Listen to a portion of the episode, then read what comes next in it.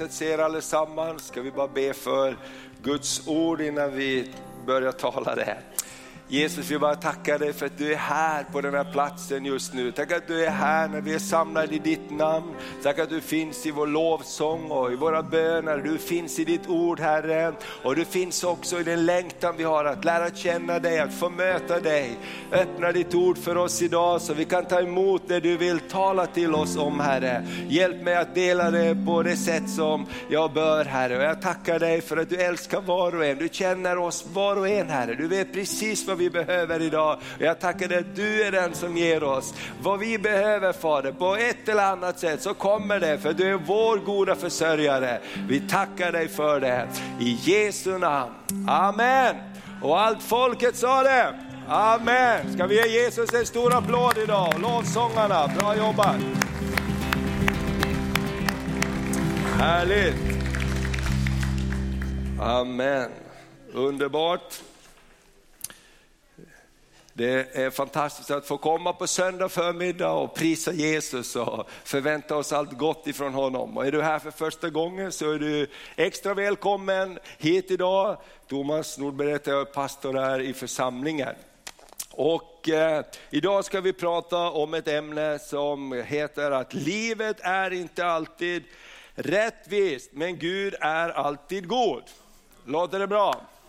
Amen. Du vet att ibland så har vi en eh, eh, våra bilder om vad är rättvisa. Och vår bild av vad som är rättvist är inte alltid Guds bild av vad som är rättvist. Och, och, Det här gör att vi mixar upp det ibland i våra liv och vi tycker att Gud varför är du inte rättvis så som jag vill att du ska vara rättvis. Gud är rättfärdig och hans rättvisa är på ett annat sätt ibland än det som vi har lärt oss. Och ibland så är vi så att det ska vara på samma sätt för alla, men vi är inte alla lika. Du hittar inte en person i den här samlingen som är lika. Eller hur? Och har du växt upp i en familj med olika syskon så vet du att fast alla är uppväxt i samma familj så är alla olika för den familjen. Och man försöker säga, men du ska verkligen intressera dig för det här att åka skidor Emanuel. Alla åker skidor. Ja, men jag vill spela gitarr. Ja, men du ska inte spela gitarr, vi ska åka skidor. Och så vidare. Och Man vet hur tokigt det kan bli ibland. Han tycker om att åka snowboard. Det kan ju också vara ett problem för föräldrar ibland. och så vidare. Jag hörde, jag hörde om, om, om, eh, i en helgad fin familj så var det två av pojkarna som hade ett vilt slagsmål. Det händer aldrig, du vet aldrig om att sånt händer, men sånt händer ibland. De hade ett vilt slagsmål och föräldrarna försökte skilja åt dem och satt ner och, och så pratade de, var, var, varför bråkar ni så mycket? Jo men jag, jag, jag är så arg på, på min brorsa för han har gjort det och det och det och det är inte rättvist. Och pappa och mamma de bara försökte liksom släta över det här och hitta en lösning. Och de sa, ja men ni vet ju att vi är, vi är kristna och Gud säger att hans är hämnden och vi ska, vi ska inte hämnas på våra fiender, vi måste lära oss någonting. Och då sa den ena grabben, ja jag vet det, men jag upplever så starkt att Gud har kallat mig till hans eh, redskap. För jag är Guds redskap. Och ibland kan det ju vara så att vi hjälper Gud på traven. Kanske inte så han menar. Jag hörde om en annan, i en annan familj också, nu låter det så här som det är vår familj, men det var inte vår familj. Det kan vara vår familj.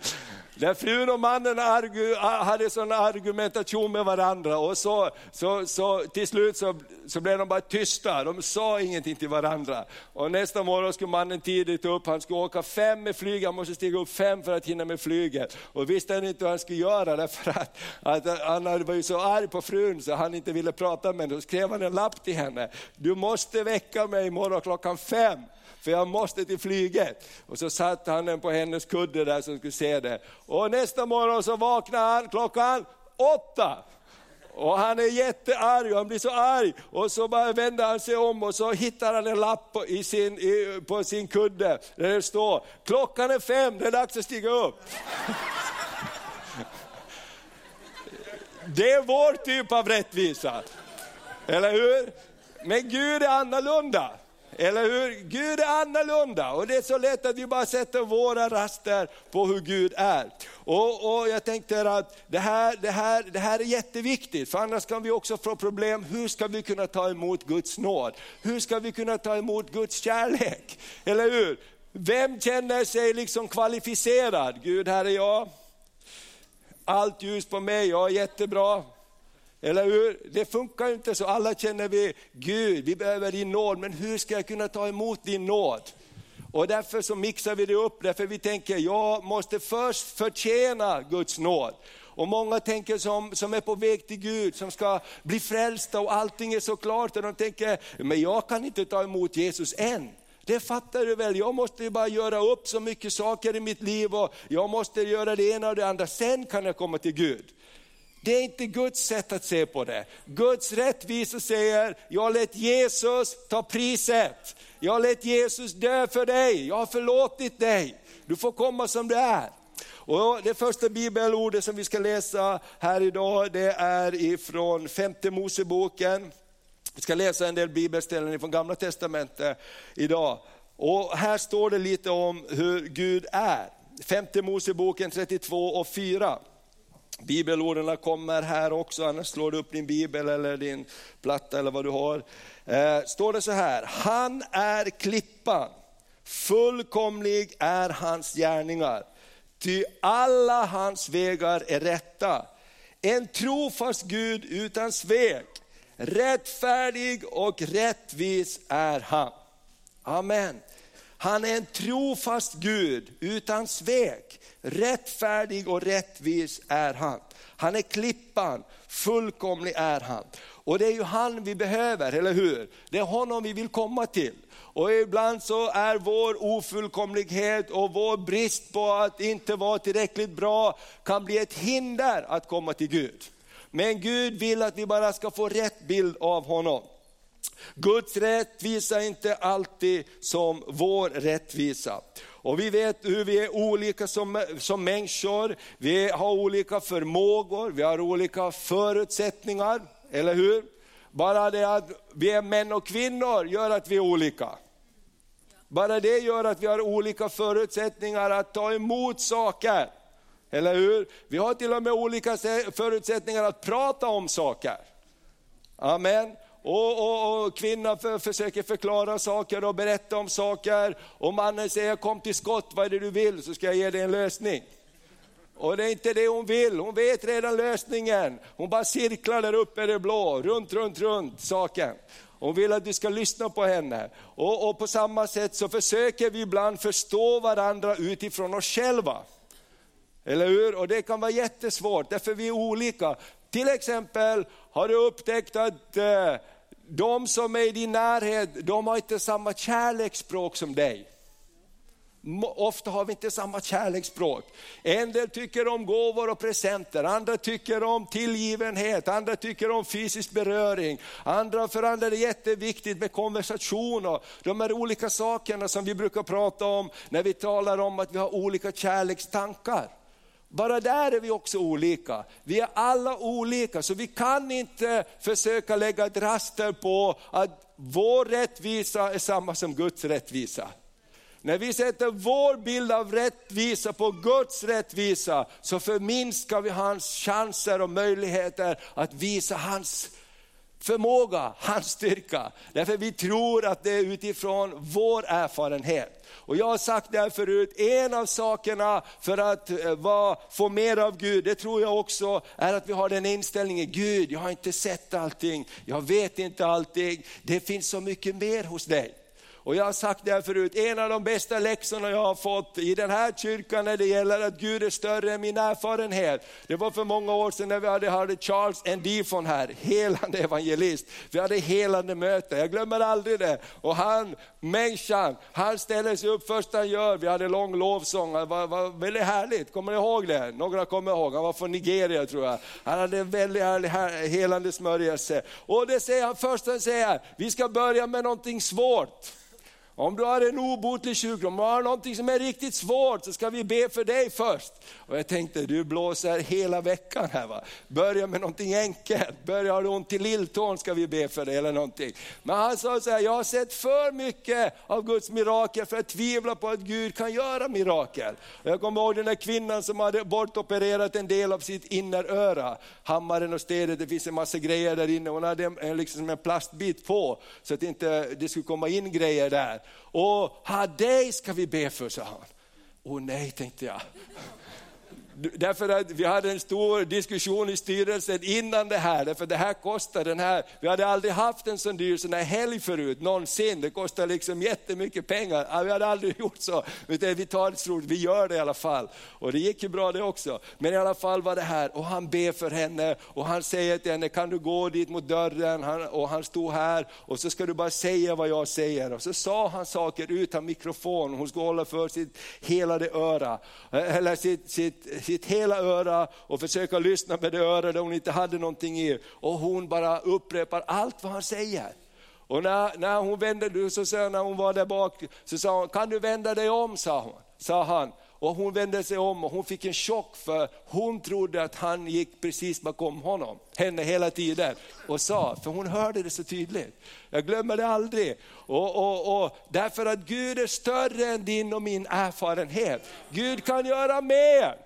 Amen, jag tackar Gud för den läxan, den glömmer jag aldrig. Gud är större än vår erfarenhet, Gud kan göra mer. Och i den här situationen, med varför, varför Gud händer det här med, varför är jag i det här, varför? Så finns det någonting tror jag vi kan lära oss här idag står så här också i Saltaren 103 och vers 11. Hela Saltaren 103 är en fantastisk saltarsalm, men vi ska bara läsa en vers där idag. Vi håller på att träna på att vara mera fokuserade, men, men vi ska också börja med lite bibelstudieundervisning mera, så vi kan ta lång tid i Guds ord. Eh, men en av de här verserna som jag tycker är så fantastiskt, är, står det så här i Psaltaren 103 och 11. Ty så hög som himlen är över jorden, så väldig är hans nåd över dem som fruktar honom. Det bara poppade upp till mig här en morgon när vi hade morgonbön. Det, det, här ordet, över den som fruktar honom, över den som förväntar sig det av honom. Guds nåd är inte bara tillgänglig och, och blir en verklighet för alla. Den finns där, men för den som fruktar honom, den som förväntar sig att det ska ske. Amen. Den som förväntar sig Guds nåd, han får tag på Guds nåd. Amen. Och det här är väldigt spännande. Så låt oss frukta Herren, böja oss inför honom och tro att han har allt i sin hand. Amen. Vad är Guds nåd? Jo, det är hans villighet att hjälpa oss i vilken situation som helst, när vi vänder oss till honom. Amen. I vilken situation som helst, när vi vänder oss till honom, så finns hans nåd där. Och Gud är alltid beredd att börja på nytt i våra liv. Amen. Och, och, och sök Gud först. I Matteus 6 och 33 så står det att sök Gud, Guds rike och hans rättfärdighet först så ska allt det andra tillfalla er. Amen. Och jag tänkte att vi skulle titta lite på en person i Bibeln som heter Jakob. Och det hittar vi i första Moseboken, den, eh, den, den 28 kapitlet. Vi ska prata lite om Jakob här den här morgonen, för han är en sån här person. Alltså han och hans brorsa Esau, Jakob och Esau, de föds som tvillingar och det står att de fightades redan i moderlivet. Det var liksom, de hade, de hade en tuff situation hela tiden. och, och, och eh, vi vet den här storyn och vi vet också hur Jakob fick sitt namn, Jakob som en del av betydelsen är bedragare. Och, och, han var lurig och hans mamma var lurig. Och vi vet hur, när han växte upp och så sa mamma, nu börjar pappa bli gammal, nu måste du få välsignelsen. Du måste få först välsignelsen som egentligen tillhör din brorsa. Men, men ja, jag vet inte hur det ska gå till så jag tar saken i egna händer, tänkte mamma. Hon vågade inte lita på att Gud skulle ta hand om det. Och så satte hon upp ett riktigt sån här, eh, riktigt sån här såpopera tänkte jag säga, riktigt sån här spel. Va? Hon sa okej okay, nu är brorsan ute och jagar där och nu ska jag bara hjälpa dig. Du ska ta lite, få, lite kinn och sätta på armarna för han var så len och brorsan var hårig. Och så ska du bara ta, ta en killing till mig så ska jag göra i ordning mat. Och sen ska du gå in till pappa och så säger du att du är Esau. Och du bara lite så här på rösten, han är gammal, han ser inte så bra. Och så sätter du fram de här håriga grejerna när han ska känna på dig och så tar du välsignelsen. Eller hur? Och, och, och, du vet att brorsan också, han, han blev utnyttjad för han var så hungrig när han kom hem. Och han sa, eh, Jakob att, att det här måste jag fixa till på något sätt. Och han sa, får jag din först, först rätt så får du mat av mig.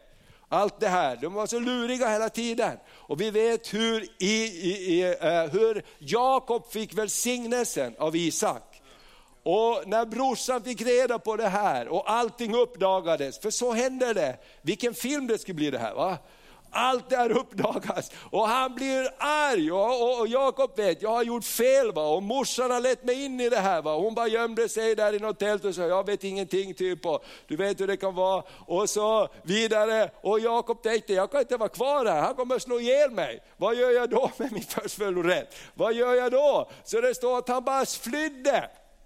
Hur kul är det att fly från sitt hem, från sin familj, från eh, eh, det, var, det som hans framtid var. Han fick bara fly. Och, och, Vi läser den här berättelsen här, när han då är på flykt, vad som händer. Ifrån vers eh, 11 eh, börjar vi läsa, 11 och 12 och så hoppar vi till vers 16.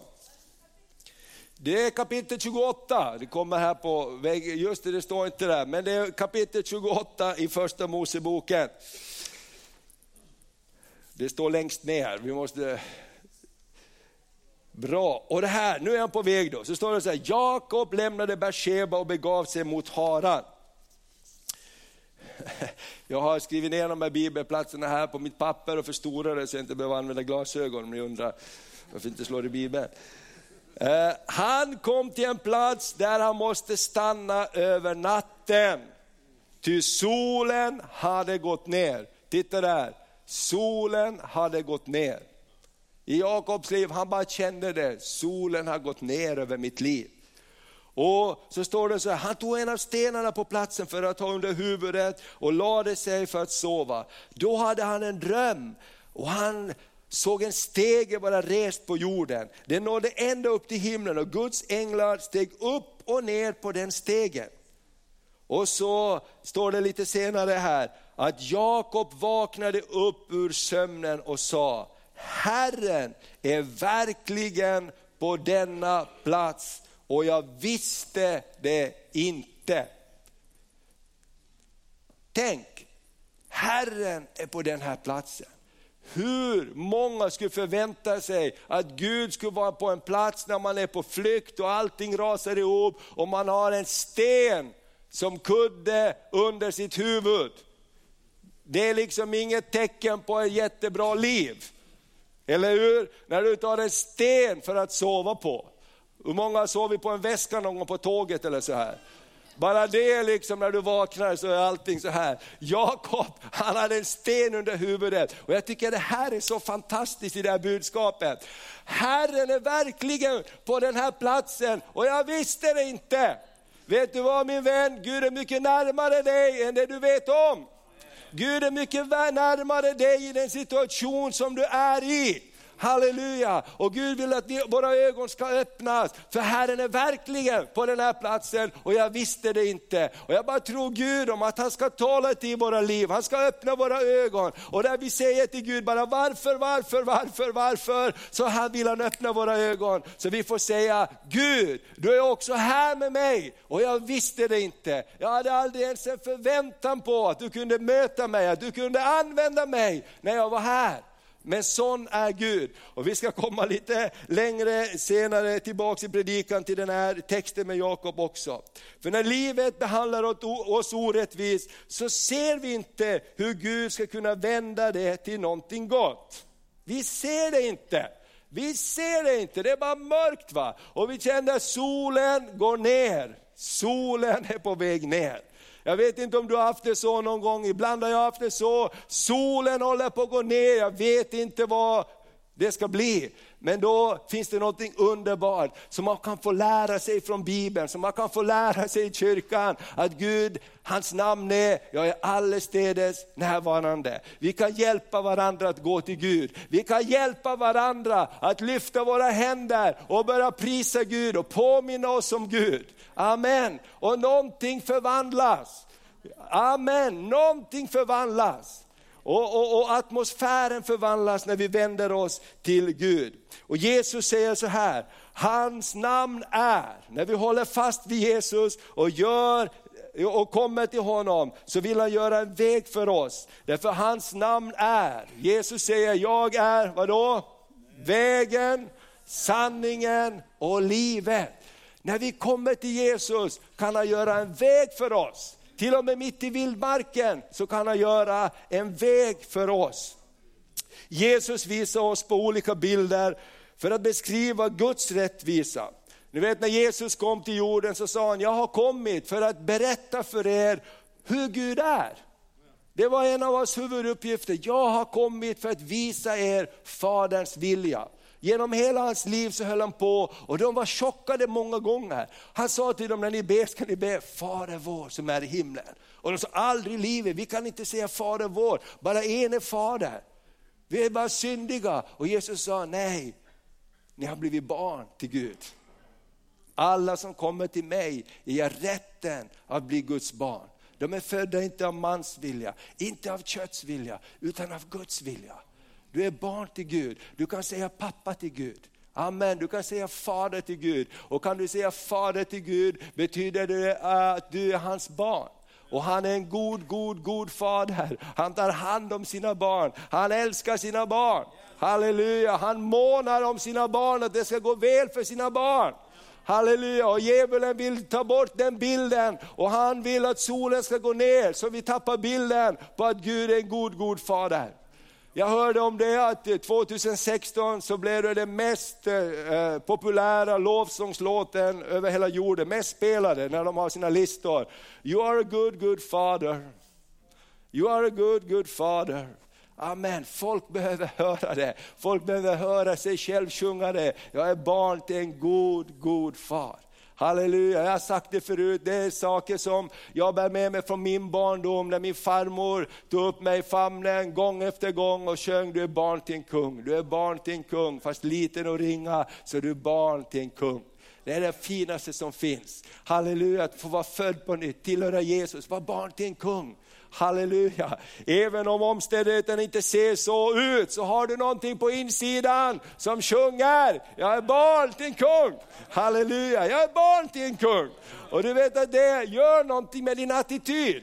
Det är inte att du har det som en kung alltid, men du kan må som en kung. Amen. Yes.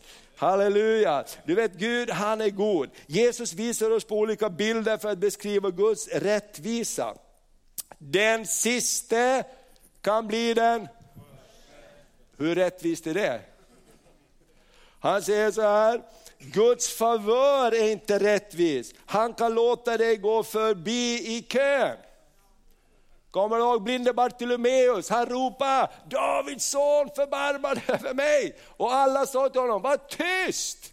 Mästaren har inte tid med dig, var, var tyst sa de. Har du läst det? Och det står att han ropar ännu mycket mer. Åh, Davids son, förbarma dig över mig. Och Jesus säger, stopp!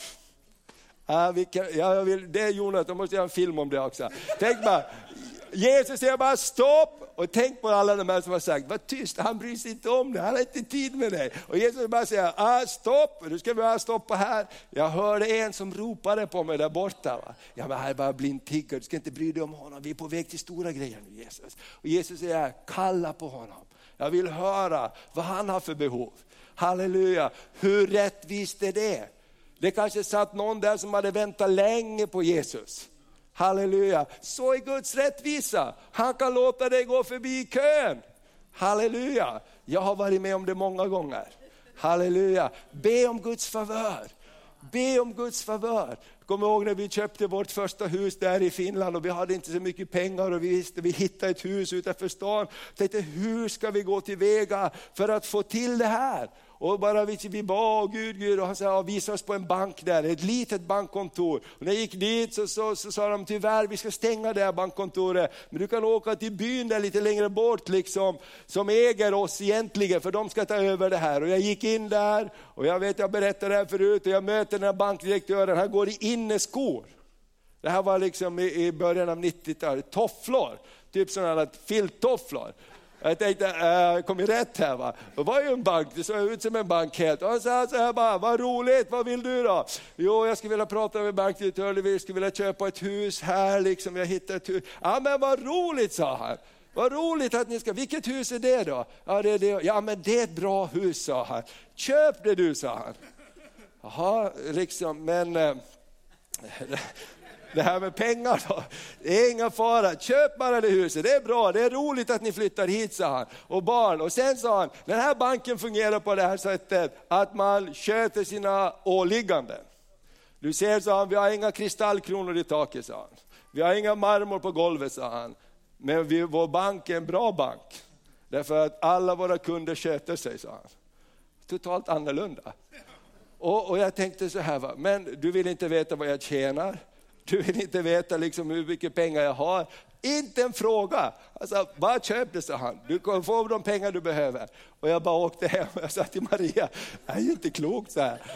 Det är inte klokt så här. Och så, så pratade jag med min äldsta brorsa som är kökapten, eget företag, hon var sjuksköterska, de höll på att bostadsspara, för i Finland var det så man måste spara till en viss procent av lägenhetens värde för att få låna resten på banken.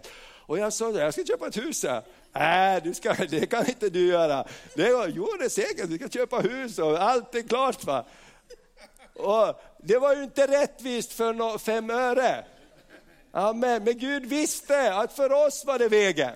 Ja, vi hade inte möjlighet till det där andra. De fick också sitt hus, de fick bara vänta lite längre. Eller hur? Är det rättvist? Nej, det är inte rättvist, men det är rättvist i Guds värld. Eller hur? Och det är det här som är så skönt. Han bryr sig inte om vem du är. Amen. Och det jag vet, jag berättar story med Ester som ville ha sin häst. Ni som har varit med här länge, vi har en dotter, hon är Australien, hon är, 22, eh, hon är någonting över 20 år. Men, men eh, 21 är hon var 12 typ år och hon är så envis och fantastiskt underbar och hon bara, bara höll på att tjata, jag vill ha en häst pappa, jag vill ha en häst pappa. Hon höll på att greja med det här och till slut så, så blev jag arg på henne, jag, jag glömmer, det var också ett misstag. Jag blev arg på henne och sa kom inte och prata med mig en enda gång till om den där hästen. Vill du ha en häst så prata med Gud. Case closed. Och jag tänkte nu är det slut på snacket här va. Och så tar det ju inte bara någon vecka så ringer telefonen och det var min äldsta brorsa och hans äldsta dotter skulle börja på universitet och de hade haft hästar och Ester brukar köta om och tycka om de här hästarna och de var på väg att sälja hästarna. Men då sa de, nu de senaste veckorna så har det kommit till oss gång på gång, kanske vi skulle fråga Ester om hon skulle vilja ha de här hästarna. Och ni kan få transporten och sadlarna och alla grejer och staket och sån elgrej som ger stötar så att ni ska gå ut och alltihop. Och jag sa bara, jag vet inte, sa jag. Och jag bara kände liksom det kom närmare och närmare, jag måste, alltså du får ringa tillbaka efter ett tag. Och jag pratade med Ester och hon sa, pappa vad sa du? Vad sa du? Hon var, ögonen var stora som tefat. Och jag sa, du vet vad jag har sagt om den här saken? Så jag sa, jag vet inte. Och då blev hennes ögon små sådär som bara kvinnors ögon kan bli. Och, och, och då när hon satte ett finger på mig, det glömmer jag aldrig. Pappa sa, säger du nej nu så går du mot Gud.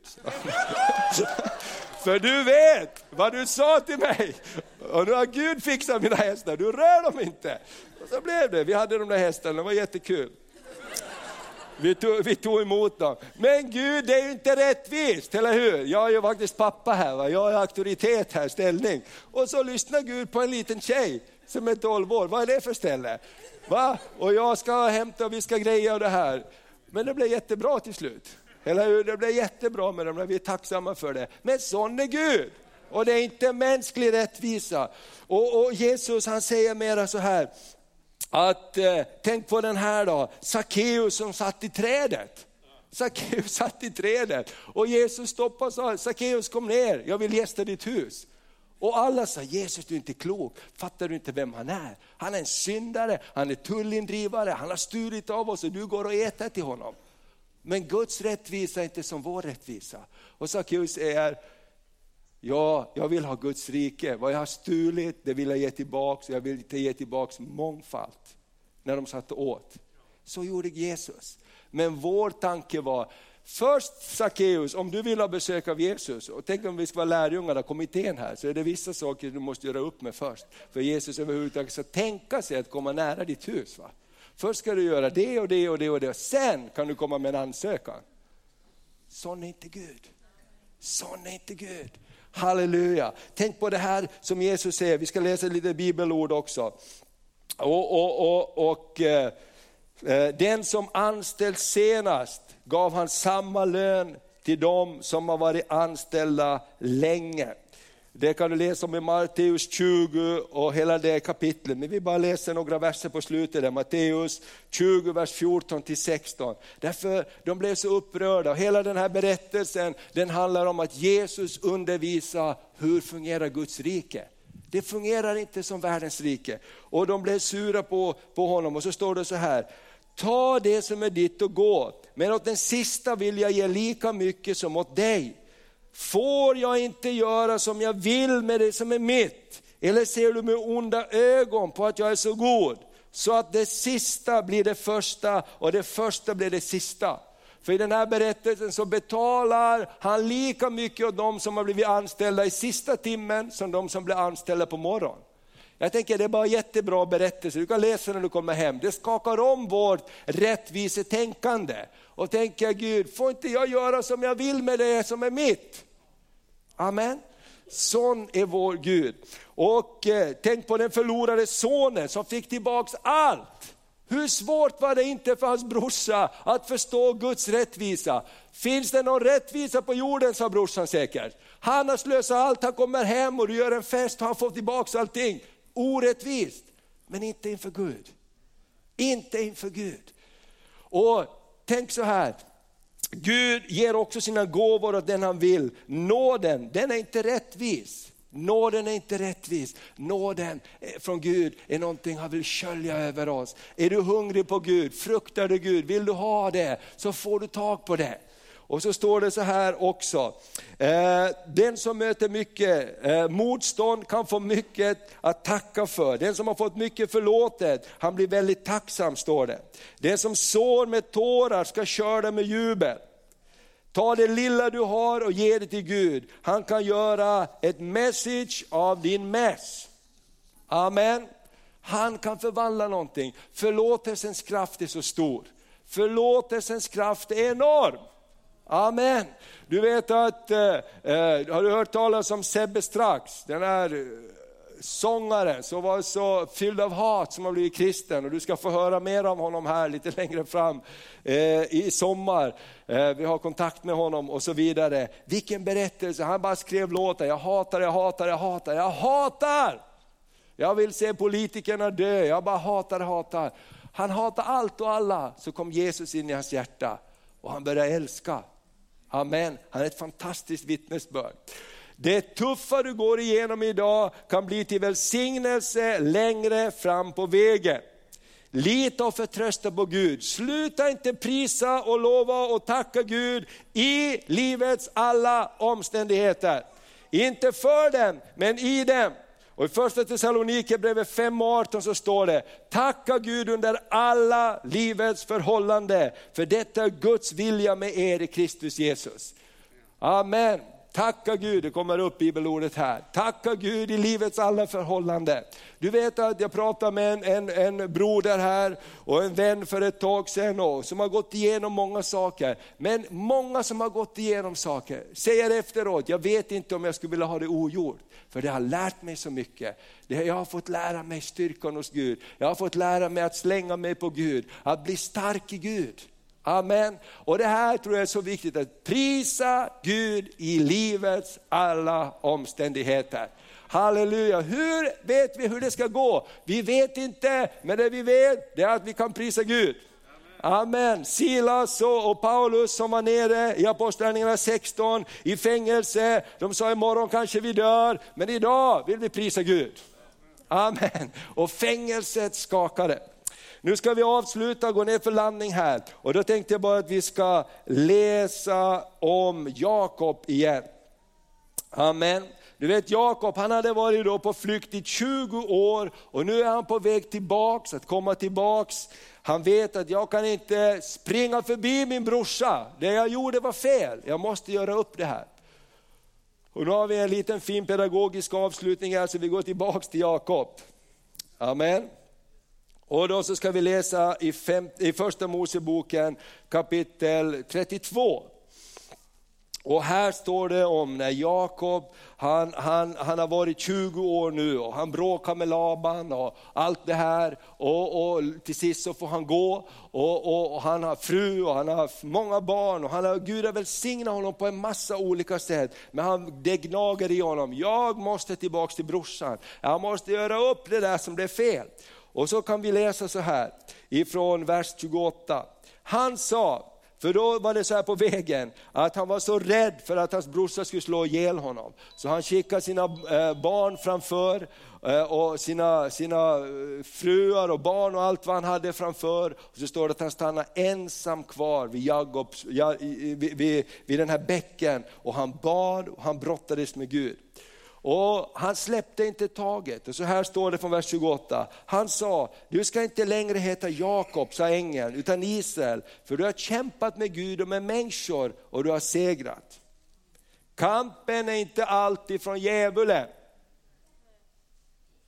Den kamp vi går igenom, det är inte alltid fienden som ger den. Ibland så lär Gud oss saker när vi kämpar med honom. Och Jakob frågade, låt mig få veta ditt namn. Och han svarade, varför frågar du efter mitt namn? Och han välsignade honom där. Och Jakob kallade platsen Penil, för han tänkte, jag har sett Gud ansikte mot ansikte och ändå har mitt liv skonats. När han hade kommit förbi Penuel så såg han solen gå upp. Förra gången så såg han solen gå ner. Nu är han på väg tillbaks och han har fått Guds välsignelse, han har fått ett nytt namn. Han vet, jag går inte i min egen styrka och kraft, jag försöker inte fixa välsignelsen själv. Han sa, jag kan inte gå en meter om inte du välsignar mig. Och det står att Gud välsignade honom och slog till honom på höften för att visa att han inte skulle vara så stark i sig själv, utan nu är det någonting annat som är Jakobs styrka. Amen. Och det står så underbart tycker jag, han såg solen gå upp igen, han haltade på höften. Och så tittar vi lite längre fram i berättelsen här i kapitel 33 från vers 4 till 5.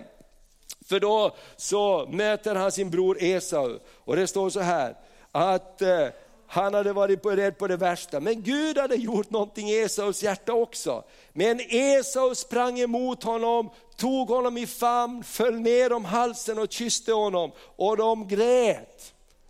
När du är hemma kan du läsa de här kapitlen, det är en helt fantastisk story. När Esau fick se kvinnorna och barnen sa han, vilka är det här som du har med dig? Och han svarade, det är barnen som Gud har gett mig. Ta emot gåvan som jag har sänt dig. För han sände honom stora gåvor. För Gud har varit nådig mot mig och jag har allt. Och han bad honom så enträget att Esau tog emot den. Amen. Gud förvandlar Jakobs liv.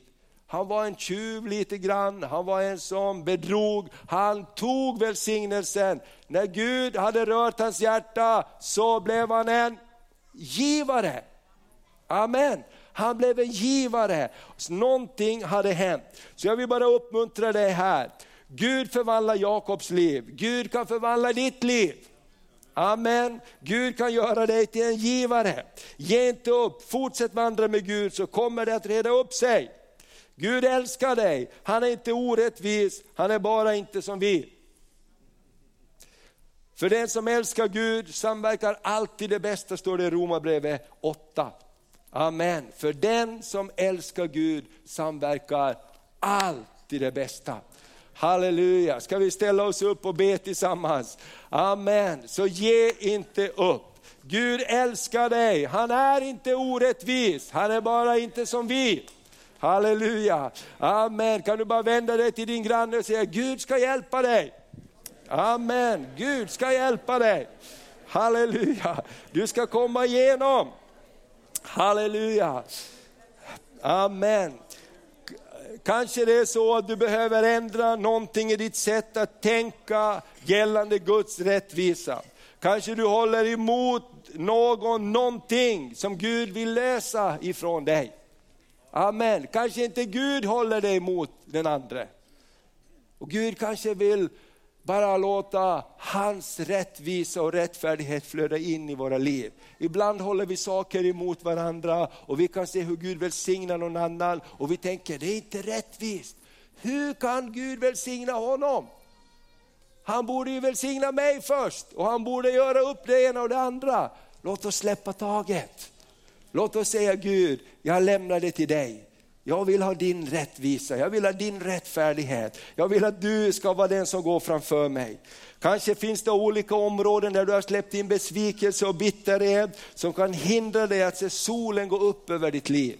Idag så tror jag att Gud vill röra vid dig. Och efter vi har avslutningen här så är bönerummet öppet, vi har bön här framme. Gå inte hem och låt oss be tillsammans. Men jag tror också kanske det finns någon där du känner så här, jag skulle vilja ta emot Jesus i mitt hjärta. Jag, jag har inte min sak klar med Gud, jag har haft en massa bilder av Gud. Jag trodde inte att Gud brydde sig om mig.